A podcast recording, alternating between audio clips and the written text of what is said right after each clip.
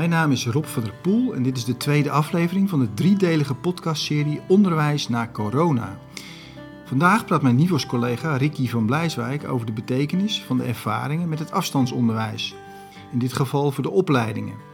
Ze doet dat onder meer met Hieke van Til, net gestart met een nieuwe lerarenopleiding Spring. We kunnen onszelf zo verliezen in, in een bepaalde focus. En als je gefocust bent, dan zie je niet meer wat er om je heen gebeurt. Uh, ik noem het, tegenwoordig het pimpelmeesje-effect. Want ik, heb, ik ben helemaal geobsedeerd geweest door een pimpelmeesje. Uh, en die zie ik normaal nooit. Uh, maar nu wel. En dat is volgens mij, sta ik dan dichter bij de bedoeling van alles. En dat gun ik ook het onderwijs Zowel in, in, in de opleiding, maar ook gewoon overal, in, in, in, in alles met onderwijs. In deze podcast spreekt Ricky ook met Adrie Groot, bestuurder bij Stichting Blossen. De gefragmenteerde opleiding en systemen zijn in zijn ogen niet langer toereikend voor wat een kind nodig heeft. Ik geloof niet meer zo in de Pabelopleiding. Als, je, als elk kind uniek is en een bepaalde behoefte heeft vanuit professionaliteit, vanuit het team van professionals, dan moet je dus ook een geïntegreerde opleiding hebben. Het is natuurlijk van de zotte dat we uh, zo'n gefragmenteerde opleidingsstructuur hebben in Nederland. Terwijl in het team van professors om dat kind heen uh, allerlei verschillende professionals zitten, incidenteel of structureel, met verschillende achtergrond, maar ook met verschillende waarden. En voor VO-docent Anton Nanninga, de derde gesprekspartner, mag er in lerarenopleidingen best wat meer aandacht komen voor de stem van de leerling als aanvullende reflectie op het eigen lesgeven. Ik heb universitaire lerarenopleiding gedaan en wat ik daarin gemist heb is denk ik vooral um, het gebrek van um, het meenemen van het perspectief van de leerlingen op mijn docentschap. Dus um, eigenlijk bij de leerlingen uh, en hoe leerlingen mij ervoeren en mijn lessen ervoeren, werd dat te weinig meegenomen in het, uh, in het reflecteren van mijzelf en met mijn, uh, met mijn collega's en met de opleiding op mijn, uh, op mijn onderwijs. Wat heeft de coronaperiode gebracht en wat zou dat voor de lerarenopleiding kunnen betekenen? De komende 35 minuten kun je luisteren naar deze podcast die mogelijk inspiratie biedt om het gesprek in jouw eigen school of opleiding voor te zetten. Um, welkom. Dit is het uh, tweede deel van de serie um, Onderwijs na corona. Um, de lockdown die we net achter de rug hebben, is een kans, zoals Nivels dat ziet, om het pedagogisch perspectief van de school dichterbij te halen. In deze podcast verkennen we uh, hoe de opleiding daaraan en daartoe kan bijdragen. En dan gaan we in gesprek met Hieke van Til, mede-initiatiefnemer en oprichter van Spring, verbonden aan uh, Hogeschool Leiden. Anton Nanninga, docent op het Panterrein in Wageningen. En Adrie Groot, voorzitter college van bestuur van Stichting Blossen in Heer Hugo Waard. Um, om te beginnen zou ik uh, aan Hieke uh, de vraag willen stellen. Uh, Hieke, wat zijn nou, als ik bij jullie de opleiding volg tot leraar, welke pedagogische kwaliteiten maak ik me bij jullie eigen in jullie nieuwe opleiding? Ja, het is goed dat je noemt uh, uh, nieuwe opleiding, want dan weet ik waar ik over moet gaan praten. Want in Leiden zijn uh, vele smaken. de nieuwe opleiding is Spring. die richt zich vooral op het pedagogisch meesterschap van de leraar, de leraar in wording. Um, en, en het opnieuw kijken, telkens opnieuw kijken naar onderwijs. En dat is heel passend bij een tijd als corona, uh, waarin we allemaal gedwongen werden om opnieuw naar ons onderwijs te kijken. Eigenlijk uh, hebben wij bij, bij Spring uh, weinig problemen, dus zijn we weinig problemen tegengekomen.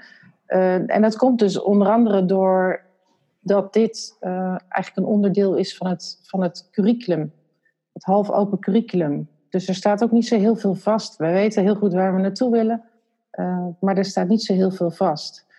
En mijn ervaring is ook, omdat ik in de voltijd van de PABO, uh, de reguliere PABO werk, is dat als, uh, hoe meer er vast ligt, hoe lastiger het is om in zo'n periode onderwijs te verzorgen, omdat je uh, dat wat je normaal gewend bent niet kan doen. Ja, als het half open is, dan, dan, dan is het altijd nog open voor de invulling die we met elkaar hebben, die we met elkaar maken. Zullen we daar eens met elkaar over na gaan denken? Jullie met z'n drieën eigenlijk. Ehm, wat dan op dit moment voor bijvoorbeeld Anton uh, een suggestie zou kunnen zijn, als het zo open is, waar, waar hij van denkt, nou, als ik zo om me heen kijk, uh, Anton, bij jou op school, in jouw team, wat, wat heb je daar zien gebeuren? Uh, kort. En wat, wat is nou het meest in het oog springende waarvan jij zegt, ja, weet je, als we nou toch met een nieuwe opleiding bezig zijn, dan zou dan dat erin. Um, mooie vraag. Ja, wat heb ik zien gebeuren? Ik heb uh, vreselijk veel zien gebeuren. Um, en wat ik vooral in de eerste, eerste weken, toen bekend werd dat, uh, dat de scholen echt dicht gingen, voor leerlingen, wat ik toen heb zien gebeuren, is dat we heel snel um, uh, vervielen in het regelen van het, uh, het, verplaatsen van het onderwijs van fysiek naar digitaal. En daar is superveel voor nodig. Dat vraagt heel veel van, van de school, dat vraagt veel van de docenten en van de, van de leiding. Dus daar ging heel veel tijd in zitten. Wat ik na verloop van tijd heb zien gebeuren, is dat er um, meer en meer door docenten en leerlingen uh, gereflecteerd is op de, op de periode die we nou ja, nu aan het, achter ons aan het laten zijn. Um, en ik, zie nu dat er steeds meer gesprekken ontstaan op school en, uh, en digitaal tussen docenten onderling, maar ook tussen docenten en leerlingen over die afgelopen periode en wat dit nou ons um, gebracht heeft. Wat zijn nou de elementen die we, die we gemist hebben? Wat zijn de elementen die we echt heel graag willen houden?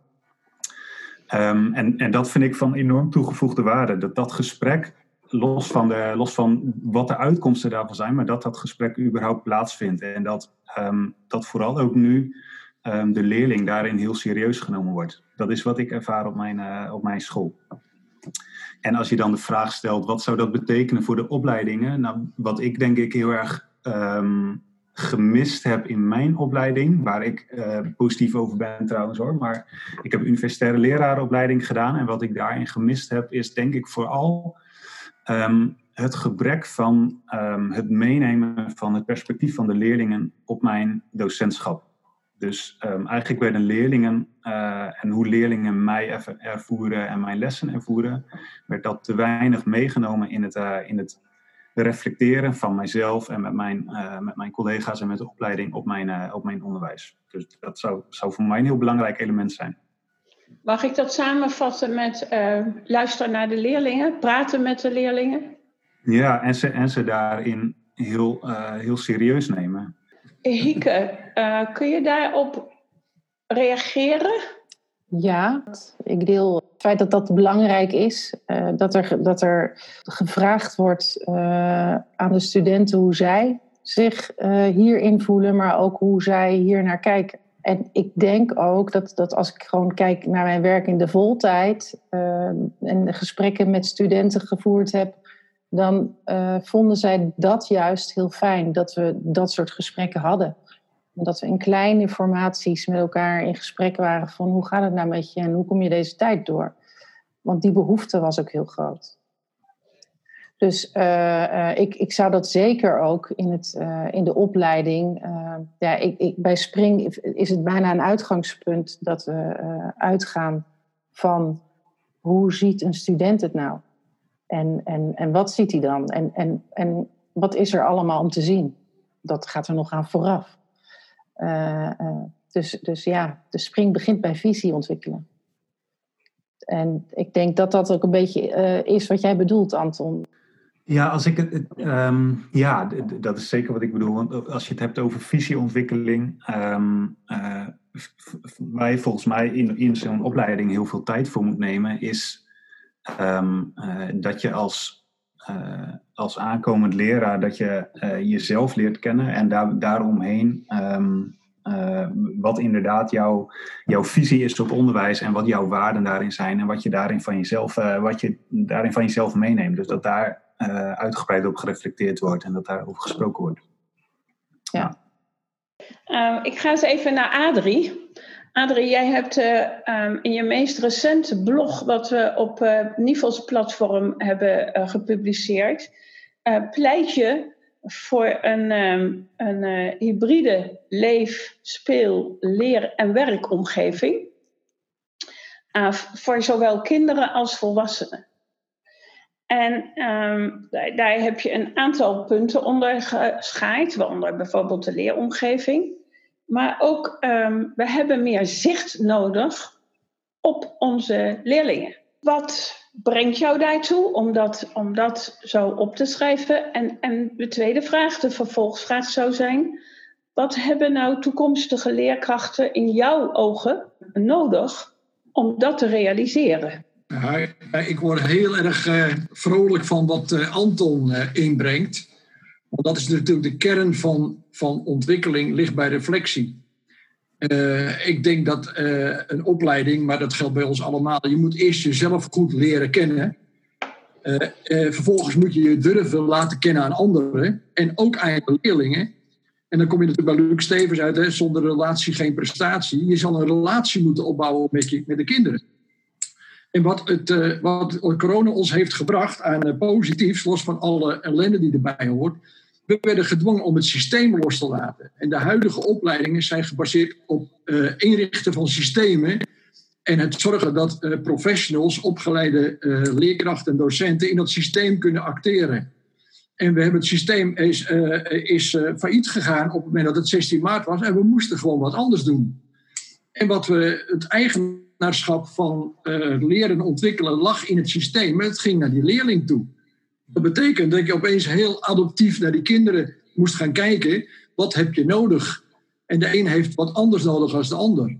Uh, je hebt daardoor ook geleerd om naar je collega's te kijken. In het voorste onderwijs weet ik dat wat minder, maar in het primair onderwijs, de een was goed in het ene, had de enige kwaliteit, en de ander was goed in het filmpjes maken, in instructiefilmpjes maken. Dus er ontstond een natuurlijke differentiatie los van de functie leerkracht met 25 eh, kinderen in de klas.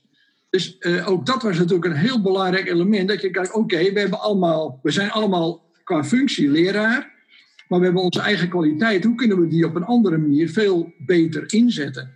Um, uh, en dat eigenaarschap wat verschoven is naar die kinderen. We hebben ook ontdekt dat de ouders ook behoren bij het team van professionals om het kind heen. Ik heb er ook een blog over geschreven in, in, het, in. Uh, je hebt een, een, kind heeft geen docent nodig of geen leerkracht, HBO-opgeleide leerkracht nodig, heeft een team van professionals nodig om dat kind die sensitief naar elkaar toe op het juiste moment het juiste doen voor kinderen. En in dat team van professionals zitten ook ouders. En dat hebben we nu bij corona heel uh, goed ervaren. Wat de rol van ouders naar kinderen, of soms wat het betekent als de rol van ouders niet adequaat wordt ingevuld. En dat betekent dus dat je als, als, als, als school wat te doen hebt.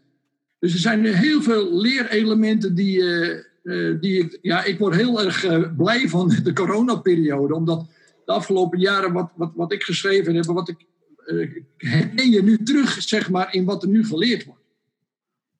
En ik, ja, ik ben, als ik verder mag, Ricky, ik geloof niet meer zo in de Pabelopleiding. Als je als elk kind uniek is en een, bepaalde behoefte heeft vanuit professionaliteit, vanuit het team van professionals, dan moet je dus ook een, geïntegreerde opleiding hebben. Het is natuurlijk van de zotte dat we uh, zo'n gefragmenteerde opleidingsstructuur hebben in Nederland, terwijl in het team van professors om dat kind heen uh, allerlei verschillende professionals zitten, incidenteel of structureel, met verschillende achtergronden, maar ook met verschillende waarden. Soms heeft een kind gewoon even een, een, arm om een schouder nodig, een pedagogische kwaliteit, wat prima met een pedagogisch medewerker kan. En een ander kind of een groep kinderen heeft een universitair opgeleid iemand nodig. Ja, dankjewel. Ja, jij pleit dus voor een gedifferentieerd lerarenteam. Ja. HBO, MBO, uh, uh, universitair. Ja. Um, nou is de opleiding Spring. Ik ga weer naar Hieke terug. Ja. Uh, dankjewel trouwens voor je betoog. Ik ga weer even naar Hieke terug, want um, natuurlijk, niemand heeft met corona rekening gehouden. Ook jij en Bas Rozenbrand niet, um, die dit samen hebben opgezet. Um, maar hij verschilt, neem ik aan, fundamenteel van andere opleidingen Hieke. Ja. En, en, en de vraag is nu, mede ingegeven door het betoog van Adrie en van uh, uh, Anton, waar zit dat, waar zit dat echte grote verschil nu voor jullie? Wat is van jullie uitgangspunten belangrijk? Ja, ik denk, ik denk het, het, het, uh, het, het essentiële verschil is dus denk ik dat wij uh, het andersom, we, we werken andersom. In de, in de voltijd eindig ik met visie en wij beginnen met visie. Hè? Wat, wat, uh, wat jij net ook aangaf, ehm, aan het begin ehm, gaat het erom wie ben jij en wat neem ik mee uit mijn, uit mijn leven. En, en als ik leraar ben, dan is datgene wat ik hiervoor heb meegemaakt, is alles bepalend voor hoe ik leraar ben. En al helemaal hoe ik zelf leraren ervaren heb. Ehm, dus dus dat, dat zegt iets over, over jou als persoon. Uh, dus dat. Uh, maar daarnaast ook van hoe, hoe ziet de wereld van onderwijs eruit? En, en wat is dat dan eigenlijk allemaal? Wat, uh, wat mijn ervaring is, is dat door studenten direct de stage in te sturen, uh, worden ze bijna, uh, komen ze in een soort socialisatieproces. En, en, en herken ik vaak bij, bij studenten dat ze, dat ze ontzettend ehm, ja, gevormd worden door de mentor en de klas waar ze op dat moment zijn in de school. En daar kom je bijna als, als opleider gewoon, daar kom je gewoon bijna niet meer doorheen. als je daar al doorheen zou willen komen. Maar ehm, ik hoop dat je begrijpt wat ik bedoel. Uh, het, het, wat, wat, wij willen met Spring is dat die student zo lang mogelijk een, een soort open blik uh, houdt. Om, om eerst eens gewoon eens even de, het, landschap van onderwijs te verkennen. Um, dus ze en, zijn, als ik je mag onderbreken, ze zijn eerst meer bij jullie op de opleiding. Ja. En Ja. ze gaan later, na een half jaar of na een jaar, Na een half jaar gaan zij de stage in. Ja. gaan ze de praktijk in. Eh, en dat is wel dat is buiten de zijinstroomstudenten, want die hebben we ook. Die hebben we ook. Mhm. Oké, oké. Maar even, om nog even af te maken, Ja. Ik, eh, ik zie je hand. Ehm, ehm, een van de, we hebben een overkoepelende vraag van de opleiding. En, en die vraag zit in drie delen. En hij begint met hoe ben ik in de wereld? Dat is, dat is het begin van, van eh, de overkoepelende vraag van de opleiding. Daarnaast is hoe kan ik in de ontmoeting met jonge mensen bijdragen aan hun vormend proces? Dus daarin is de ontmoeting en daar, daar heb je de relatie, en, maar ook het vormend proces. Uh, en daaronder de vraag, hoe maken wij met elkaar een boeiende en waardevolle opleiding? Dat doen we met elkaar. En dat is iets wat ik in de afgelopen maanden heb ervaren ook. Uh, met, uh, het is misschien goed om te vertellen dat Spring in februari pas begonnen is. En we zijn drie keer live op hogeschool geweest en toen kwam corona. Dus we hebben elkaar maar drie keer gezien. Uh, tenminste, live. Of, of live in, in fysiek. Um, um, uh, maar um, wat wil ik daar nou over zeggen? Oh ja, nou ja, dat we dus met elkaar ook echt die opleiding hebben gemaakt. En het zijn dus maar zeven studenten, en dat is dus ook heel makkelijk, zeven studenten zou je zeggen. Maar ik denk, ik geloof er eigenlijk in, dat, dat hoe wij de opleiding hebben opgezet, dat dat ook met 70 studenten op die manier kan. Omdat het juist open, half open is. Jij, zag, jij, jij stak je hand op, Adrie. Nou, ik denk dat uh, wat, wat, wat Hieke zegt, dat herken ik helemaal. Alleen ik vind het gewoon uh, uh, treurig dat je pas bij een HBO, de start van een HBO-opleiding aandacht en ruimte moet geven aan het jezelf ontdekken. Ik vind dat het de opdracht is voor het primair onderwijs. En kijk, Blossen heeft natuurlijk opvang en onderwijs. Dus wij kunnen met nuljarigen beginnen om ze veel meer mee te nemen en te begeleiden. Dat ze zichzelf veel beter kennen, de kinderen. Uh, en van daaruit zichzelf kunnen ontwikkelen. Want als we dat doen, dan hebben we straks geen PABO meer nodig... die de eerste half jaar aandacht moet besteden aan leer jezelf kennen. Dus het onderwijs zal in zijn geheel vanaf nul jaar... zal eigenlijk al uh, daar veel meer aandacht aan moeten geven. En dat zie je ook uh, in het pleidooi van Gerbista en dergelijke. niet alleen leren in de wereld, maar ook meer reflectie. Reflectie is de basis van ontwikkeling. En dat is zelfreflectie, maar wel in samenspraak met anderen. Ja, helder. Ben ik met je eens natuurlijk. Alleen ik denk ook dat de vraag wie ben je op, op 18, 17-jarige leeftijd een iets andere is dan bij een achtjarige. Um, dus dat is een continu proces. Ja, en maar ze moeten, ik denk dat kinderen moeten leren om met elkaar dat gesprek te kunnen voeren. Heel goed, ja. Ja, klopt. En daar heb je leraren voor nodig die dat ja. gesprek kunnen openen, kunnen leiden. Ehm, maar Anton, um, bij jou, jij hebt dagelijks te maken met uh, leerlingen in een, in een puberteit. Um, hoe gaat dat bij jullie, dat gesprek met die leerlingen? Uh, dat, dat, vraagt een, uh, dat vraagt een inzicht, dat vraagt een visie, maar dat vraagt ook een, een, een, een manier van kunnen praten met die leerlingen, een vaardigheid. Um, en dat, die, dat reflecteren idem dito. Hoe zit dat bij jullie op panterrein? Kun je daar wat over zeggen? Daar, ja, daar kan ik vooral vanuit mijn eigen onderwijspraktijk wel wat over zeggen. Um, en dan heb ik het niet per se over de coronaperiode, maar ook over de, over de periode daarvoor. Wat, ik, uh, wat, wat ik probeer is om in mijn onderwijs de focus meer uh, te verleggen van, uh, van cijfers naar het, het ontwikkelen en het kijken naar je eigen ontwikkeling als leerling. Um, want dat is, als je het hebt over visievorming en opleiding en hoe dat, hoe dat gaat, dat is een van de eerste dingen waar ik tegenaan ben gelopen toen ik echt de praktijk in ging als docent. Dat is de, de enorme focus van leerlingen op, uh, op cijfers. Nou, dat is door de coronaperiode niet minder geworden, heb ik het idee. Omdat het eerste wat wij uh, als school gingen doen, was het, het organiseren, dat, um, het, het, beoordelen en, het, uh, en, de toetsing en dat dat allemaal door kon gaan.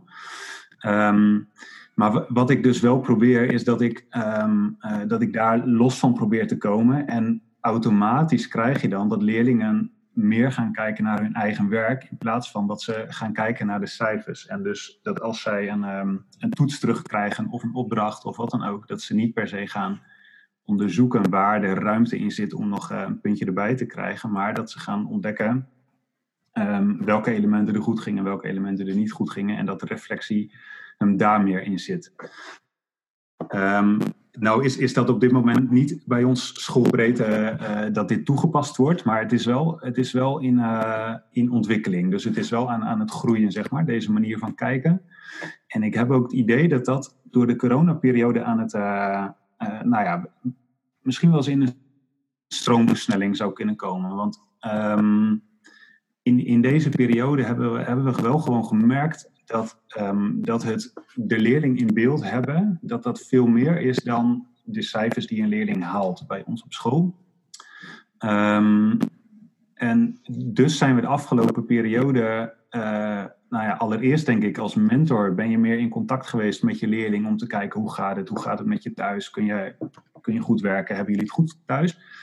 Maar daarnaast um, zijn we voor mijn gevoel meer als, uh, als, als groep om de leerling heen gaan staan. En hebben we ook onderling tussen, uh, tussen docenten hebben we gewoon meer contact over hey, um, deze leerling, ik krijg weinig contact met hem of hij reageert niet op mijn berichtjes, dus hoe zit dat? En dat, nou ja, dat zou ik een hele mooie ontwikkeling vinden als we dat vast kunnen houden. Dus dat het niet een individuele relatie is tussen jou en de, en de, en de leerling, die natuurlijk cruciaal is, maar dat het een relatie wordt um, van het hele, uh, nou ja, alle belanghebbenden zeg maar om het kind heen, inclusief ouders ook.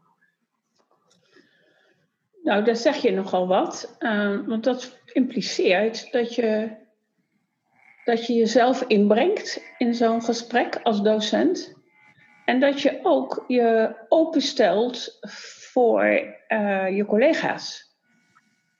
Uh, en dat impliceert vertrouwen naar elkaar toe. En dat je elkaar gaat accepteren als steunbron, als hulpbron, als informatiebron. Um, zijn daar wat jou betreft specifieke vaardigheden voor nodig? Of zeg je, ga het gewoon doen? Of zeg je, nee, dat is nou een aspect wat we, als we terugkijkend over tien jaar zeggen, hé, hey, dat, dat werd toch wel uh, door die coronaperiode in een stroomversnelling gebracht. En dat moet toch wel bij die opleiding terechtkomen. Ja, goede vraag. Mo mooie vraag ook. Dus, dus wat is daar vanuit opleidingen voor nodig? Um, nou, ik, ik denk dat, dat je dan ook weer terug kunt vallen op de, uh, op, op de visie. Dus wat, wat, is jouw, uh, wat is jouw idee over onderwijs? En, um, en dat dat dus niet is um, uh, het in een eigen hokje met 30 leerlingen gaan zitten en daar jouw lesje afdraaien en dat ze dan weer doorgaan naar de volgende docent. Ehm, en volgens mij is dat, is, dat een cruciale stap dat je ehm, ook met, met dus de, de leraren in opleiding ehm, eh, in gesprek gaat over, hé maar we hebben hier een groep leerlingen, hoe gaan wij als als team of als school, hoe gaan wij ervoor zorgen dat we die leerling zo optimaal mogelijk kunnen begeleiden? En dat impliceert volgens mij onder andere het uh, doorbreken van de gesloten deuren die je in, denk ik, veel voortgezet onderwijsscholen uh, tegenkomt. Um, de, dus volgens mij zou dat, um, nou ja, ik, ik heb dat in mijn opleiding, ben ik dat weinig tegengekomen, de, de aandacht voor het, uh, als team om het, om het kind heen staan. En volgens mij zou dat een mooie, nou ja, zou je daar op een mooie manier invulling aan kunnen geven. Aandacht om om het kind heen te staan. Volgens mij wilde Adrie reageren. Ja, nou, ik, uh, ik hoor je zeggen, uh, Anton. ik heb, de vragen die ik stelde aan de leerlingen was... wat heb je nodig zeg maar, om thuis goed tot leren te komen? dat vind ik natuurlijk al een fantastische vraag. Want het betekent gewoon uh, we moeten gewoon daar ook aandacht voor hebben. Een kind is onderdeel van een systeem, van een gezin. En je kan er niet over hebben en gewoon zeggen van je hebt je huiswerk niet gemaakt. Maar het gaat er natuurlijk om wat is de reden, wat is het verhaal achter wat het kind laat zien. Ik vind het echt fantastisch wat je, wat je zegt. De uitdaging wordt natuurlijk, oké, nu krijg je al die wijsheden binnen van die 30 kinderen. Met allemaal verschillende behoeftes. Hoe ga je nu het systeem loslaten om het anders te organiseren? Ja, zeker. Daar ben ik, um, ben ik helemaal met je eens. Wat wij nu, uh, dat is wel interessant denk ik om te vertellen, wat wij geïnventariseerd hebben bij onze leerlingen, met, een, met een groepje docenten waar ik regelmatig contact mee heb, hebben we um, nou ja, ook onze eigen ervaringen gedeeld. En wij kwamen in gesprek met, uh, met steeds meer leerlingen die zeiden, hey, um, de manier waarop het onderwijs nu vormgegeven wordt, en in coronaperiode deden wij dat als school door minder uh, uh, minder gevulde roosters te hebben. Dus, dus het aantal uren per vak ging gewoon achteruit, waardoor de leerlingen veel minder lesuren hadden en veel meer um, uh, nou ja, zelfwerktijd of in, in elk geval autonomie over, hun, over de invulling van hun eigen tijd. Um, en nou ja, dus dat hebben we onderzocht onder onze leerlingen. En dan zegt inderdaad een, een echt een groot gedeelte, volgens mij was het ongeveer twee derde van de leerlingen, zegt: ik, ik vind een rooster met meer ruimte om mijn eigen tijd in te delen, om dingen te doen die ik, uh, waar ik op dit moment uh, op, of op dat moment meer interesse voor heb. Dat vind ik heel prettig en dat zou ik heel graag vast willen houden. Dus wel in relatie met die docent um, uh, bezig zijn met onderwijs, maar wel meer ruimte om niet verplicht van, van les naar les en van, uh, van uur naar uur te gaan, maar om daar meer ruimte in te zoeken. Dus dat, nou ja, dat is ook waar wij nu het gesprek over aan het voeren zijn op school. Dus ik hoor eigenlijk twee aspecten. Relatie van jou, vooral Anton. Maar tegelijkertijd samen met Adrie ook die systeemwijziging. Die, daar aan, ja, die je eigenlijk wel moet onderzoeken met elkaar. Ik, ik zag dat Hieke net ook uh, haar hand opstak om uh, in het gesprek uh, te komen. Ja, het was, was een reactie op wat Anton zei over ehm, hoe de wereld om het kind is. Hè? Dat, dat, die, om zich daar als, als leraar in opleiding veel meer mee bezig te houden. Um, Um, ik denk, je vroeg net ook wat een essentieel verschil is van Spring met de andere leraaropleiding. Um, we, we, bestaan uit drie lagen. Een van de lagen is uh, het professioneel zelfverstaan. Dat komt van Geert Kelchtermans, hoogleraar uit Leuven. Um, dat gaat over onder andere de, de, kwetsbaarheid van het beroep. maar het gaat er ook over dat leraren altijd verhalen aan elkaar vertellen. En, en die verhalen zitten heel veel in over, over de persoonlijke ontmoetingen die, die een leraar heeft met kinderen, met ouders. En dan kom ik op de tweede laag die we hebben. Dat, zijn, dat is de laag van de beroepsrollen.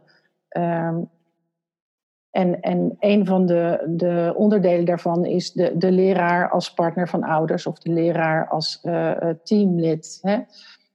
Um, dat is een ontzettend belangrijke rol waar uh, vaak te weinig aandacht aan besteed, of eigenlijk helemaal geen aandacht aan besteed wordt, omdat alles heel erg uitgaat naar die vakdidactiek. Uh, dat vinden wij ook belangrijk, dat is de derde laag, vakinhoud en vakdidactiek. Maar staat wel gelijk aan beroepsrollen en staat gelijk aan professioneel zelfverstaan. Omdat dat, die drie maken volgens ons de, de leraar. Adrie? Ik ben, ben wel benieuwd, Hieke, van, uh, we zien binnen de kindcentra die we hebben, zie je dus heel veel gevarieerdheid krijgen van personeel. Hè? Van uh, pedagogische medewerkers, onderwijsassistenten, leraren, maar ook universitair opgeleide mensen. Die moeten elkaar kunnen verstaan en op het juiste moment het juiste doen voor kinderen. In hoeverre gaat Spring daar uh, wat in betekenen? Uh, niet doelgericht uh, dat we ons daarmee bezighouden. Ik denk wel dat um, Spring is start in de flexibele deeltijd van Pabo Hogeschool Leiden.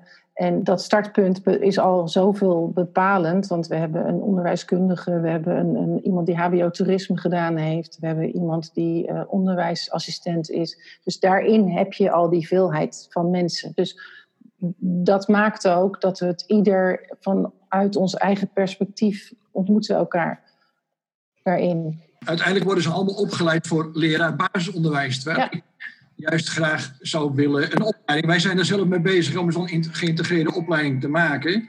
Oh, zo bedoel jij. Ja, uh, ook met een digitale component daarin. Uh, ik denk dat ze juist ook moeten leren vanuit een heterogeniteit, zeg maar, om ook zichzelf te ontwikkelen en elkaar te respecteren in de wederzijdse rollen die ze hebben. Anders dan alleen maar leraar basisonderwijs. Ja, ja, nou ja, Spring, Spring is wel gewoon echt een leraaropleiding uh, voor het basisonderwijs. We, we, we, we, er komt een component bij voor het voortgezet onderwijs om generieke leraren op te leiden voor het voortgezet onderwijs. Maar we houden ons niet zo specifiek daarmee bezig. Nee. Mag, mag ik jou ook wat vragen nog, Hieke? Ja. Um, de, de studenten, hè, dat zijn er maar zeven op dit moment, maar dat zal zich in ieder geval verder wel ontwikkelen. Uh, in ieder geval hoop ik dat de studenten gauw, gauw weer terug zijn. In welke leeromgevingen uh, komen deze studenten terecht? Wij, uh, Spring werkt samen met, met een aantal basisscholen en die hebben wij van het begin af aan meegenomen in de samenwerking. Uh, de drie scholen waar we mee gestart zijn, dat zijn alle drie vernieuwende scholen. Ze hebben allemaal een vernieuwend onderwijsconcept. Uh, de school in Zandvoort bijvoorbeeld. Uh, of de Bras in Ipenburg, Den Haag. En kindcentrum Snijders in Rijswijk. maar daarbij komen dus nu weer drie scholen. En dat zijn weer ook scholen in Amsterdam, Klein Amsterdam. Laterna Magica komt daar op een gegeven moment bij. Dus, uh, dus zo, zo breidt zich dat uit. Uh, en wij zoeken heel specifiek op scholen waar, waar die pedagogiek een belangrijke plek heeft in het onderwijs. Dat is, dat is de één, de pedagogiek. Maar twee, wat Adrie bedoelt, in die leeromgeving en die scholen die jij noemt, hè, waar, zij, waar de studenten stage lopen. Um, Laterna Magica heeft die verschillende rollen bijvoorbeeld in zich. Doen jullie daar nog iets specifieks mee met de studenten? Of, of is het die pedagogiek? Nou, weet je wat het is? Ik, eh, ik kan nog niet zo ver spreken. Ik denk wel dat we dat tegen gaan komen in de opleiding, omdat zij op die plekken stage lopen. Okay. En dat wat, wat zij tegenkomen in de praktijk, brengen zij weer terug naar de opleiding. En dat krijgt dan aandacht als zij er behoefte aan hebben. Heel goed, dankjewel. Um, ik, ik, denk, als ik naar de klok kijk, dat we al een tijdje aan het praten zijn met elkaar. Dus langzaam maar zeker wil ik graag naar de afronding. Um, we hebben vorige week de podcast op, over de praktijk gemaakt. Nu dus over opleiden na corona. Um, en ik zou heel graag jullie alle drie het woord willen geven als slotwoord over. Nou, als het aan mij ligt, ziet de opleiding er over vijf jaar uh, anders uit en is dit het accent waar ik persoonlijk, jij persoonlijk, uh, veel aandacht voor zou willen genereren. Adrie, kan ik bij jou beginnen? Wel hoor, uh, ik denk dat opvang en onderwijs verdwijnt. Uh, leren en ontwikkelen en instructie blijft. Dat is van s ochtends worden tot slapen gaan en tot, van geboren worden tot overlijden. Uh, dat hebben we nu ook gemerkt in de coronatijd. En dat betekent dat het primaat voor onderwijs raakt het onderwijs kwijt. Alleen we hebben wel een hele belangrijke rol in het leren en ontwikkelen en in de instructie. dat doen we met een team van professionals, ook samen met ouders. Ouders kunnen soms een goede rol spelen in, in, in leren en ontwikkelen. En we zullen dat fysieke moment, maar ook het digitale moment, zullen we anders moeten organiseren met een team van professionals om het kind heen. En dat betekent dat we ook het team van professionals uh, in de opleiding moeten, uh, moeten leren om met elkaar sensitief naar het kind te zijn. Dus wij zijn een opleiding aan het opzetten met een hetero, vanuit heterogene en homogene componenten. Met een digitale component, maar wel vanuit de werkplek, vanuit de praktijk lerend op verschillende locaties. En ik denk dat dat de toekomst is. Dus ik, ik voorspel dat de, de PABO's en de MBO's van deze wereld die opleiden, uh, heel gefragmenteerd opleiden, dat dat gaat verdwijnen. Dankjewel. Anton, wat zou jij specifiek wensen voor opleidingen of ze toewensen? Um, wat, wat, zou ik ze toewensen? Ik zou ze, uh, denk ik, vooral toewensen dat, dat docenten en leraren minder opgeleid worden om het zelf te doen. Dus dat je minder goed gaat leren hoe jij je redt in de klas, maar dat je meer gaat leren en reflecteren op hoe je als school het onderwijs vormgeeft en hoe je als team, waar we het zo net ook over hadden, om dat kind heen kunt staan. Dat zou mijn wens zijn. Mooi, dankjewel. En Hieke, hoe zie jij je? Waar staan jullie over een jaar of vijf als je terugkijkt? Ik hoop nog met dezelfde uh, uh, onwetendheid. Uh, omdat niet alles is vastgelegd. Uh, en dat is denk ik ook wat, wat mij zo fascineert van de hele coronatijd. Uh, we hebben even onze doelgerichtheid verloren. En uh, we kunnen onszelf zo verliezen in, in een bepaalde focus. En als je gefocust bent, dan zie je niet meer wat er om je heen gebeurt. Uh, ik noem het, tegenwoordig het pimpelmeesje-effect. Want ik, heb, ik ben helemaal geobsedeerd geweest door een pimpelmeesje. Uh, en die zie ik normaal nooit.